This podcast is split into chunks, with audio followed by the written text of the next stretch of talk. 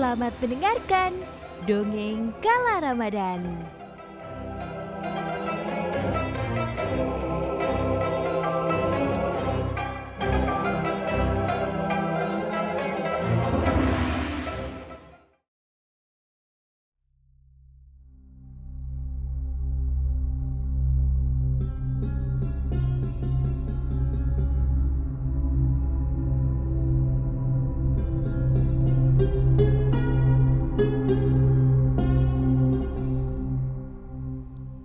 Abu Bakar adalah salah seorang sahabat Rasulullah yang sangat dekat dengan beliau. Abu Bakar sendiri berasal dari suku Quraisy dan juga sangat dicintai oleh kaumnya. Sejak kecil, Abu Bakar telah menunjukkan kecerdasannya. Dulu pernah ayah dari Abu Bakar, yaitu Abu Kuhafah, mengajak Abu Bakar untuk pergi ke sebuah ruangan yang di mana berisikan berhala-berhala. Abu Kuhafah mengatakan kepada Abu Bakar, "Lihatlah berhala-berhala ini. Ia adalah Tuhanmu," ungkap sang ayah. Abu Bakar lantas mendekati berhala tersebut. Satu persatu ia datangi sambil diamatinya. Ia pun berhenti di depan satu berhala dan berkata, "Hai, aku lapar. Mana makanan untukku?" kata Abu Bakar. Kemudian ia berpindah menuju berhala yang lain dan berkata, berikan aku baju. Tapi teman-teman tahu kan, berhala tidak akan menjawab, apalagi memberikan makanan atau baju seperti apa yang Abu Bakar minta. Karenanya, Abu Bakar tidak percaya dengan berhala-berhala tersebut sebagai Tuhannya dan beliau tidak pernah menyembah berhala-berhala tersebut seperti suku Quraisy lainnya.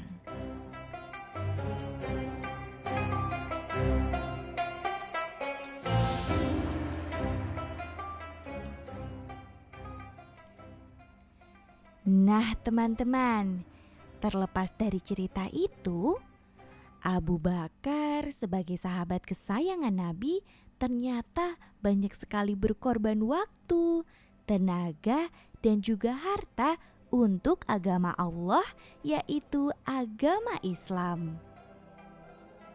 Ia tidak pernah gentar untuk ikut seluruh pertempuran bersama Rasulullah. Ia juga sangat menyayangi Rasulullah dan setia kepada Rasulullah.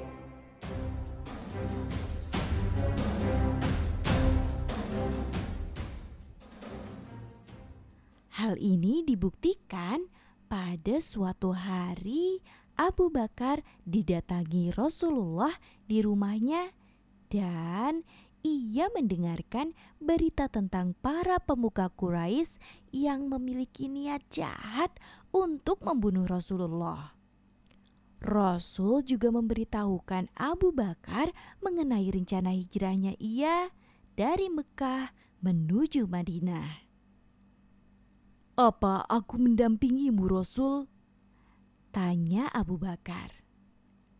Rasul pun membenarkannya. Lalu segala perbekalan disiapkan. Di antaranya ada unta dan juga bahan makanan.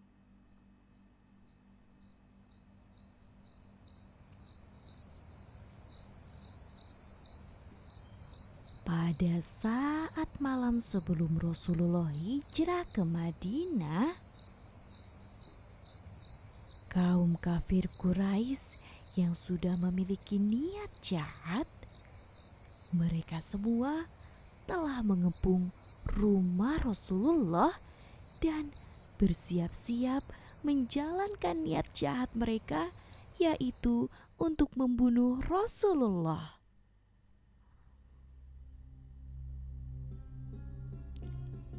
Namun, Allah selalu baik kepada kekasihnya. Allah membuat kaum Quraisy yang tadi mengupung rumah Rasulullah lama-kelamaan mereka lengah dan membuat mereka juga tertidur.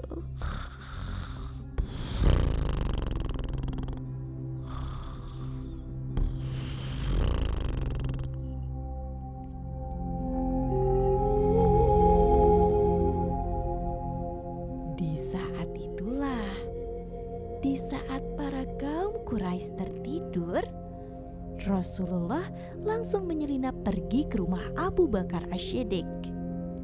Dan mereka melakukan perjalanan menuju Gua Sur untuk bersembunyi.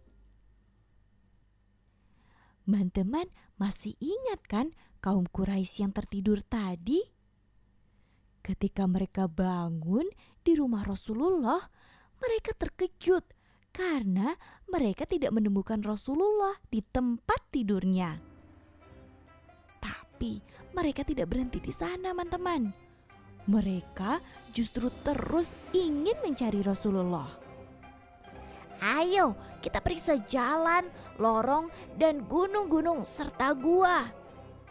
Kata salah satu mereka dan mereka pun bersama-sama mencari Rasulullah ke tempat-tempat tadi yang disebutkan.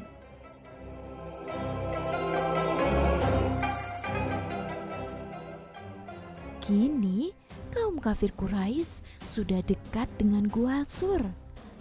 Rasulullah dan Abu Bakar yang berada di dalam gua mendengar jejak kaki mereka. Abu Bakar saat itu sangat tegang.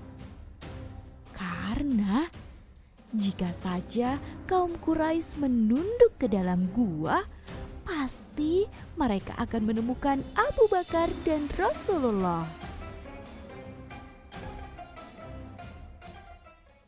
Namun, Rasulullah berhasil meyakinkan Abu Bakar bahwa Allah akan melindungi mereka.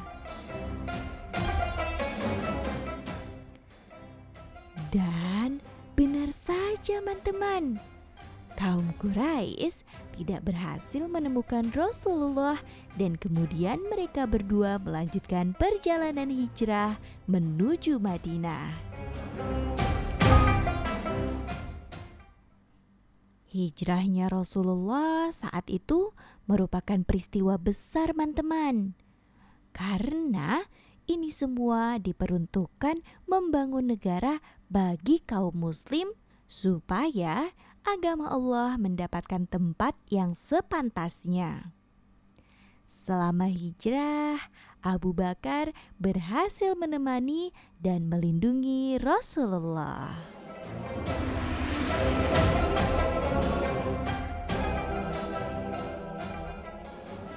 Kesetiaan Abu Bakar terus berlangsung kepada Rasulullah. Tidak berhenti di hijrahnya Rasulullah, Abu Bakar terus menjadi sahabat Rasulullah, bahkan hingga Rasulullah meninggal.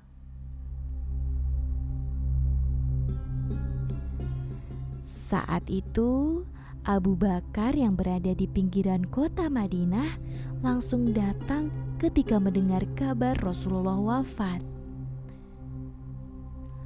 Abu Bakar masih sempat bertemu Rasulullah sebelum dimakamkan.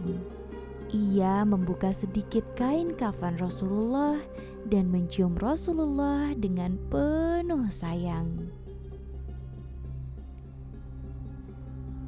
Setelah itu, Abu Bakar menemui orang-orang dan berkata, Ketahuilah, barang siapa menyembah Muhammad, maka Muhammad telah meninggal dunia. Namun, barang siapa menyembah Allah, maka Allah maha hidup tidak mati.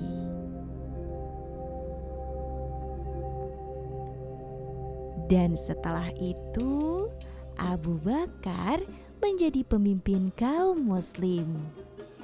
Ia membantu orang-orang sebagaimana dulu ketika ia belum menjadi pemimpin.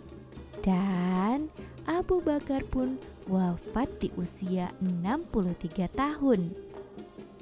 Ia pun dimakamkan di samping makam Rasulullah. Thank you.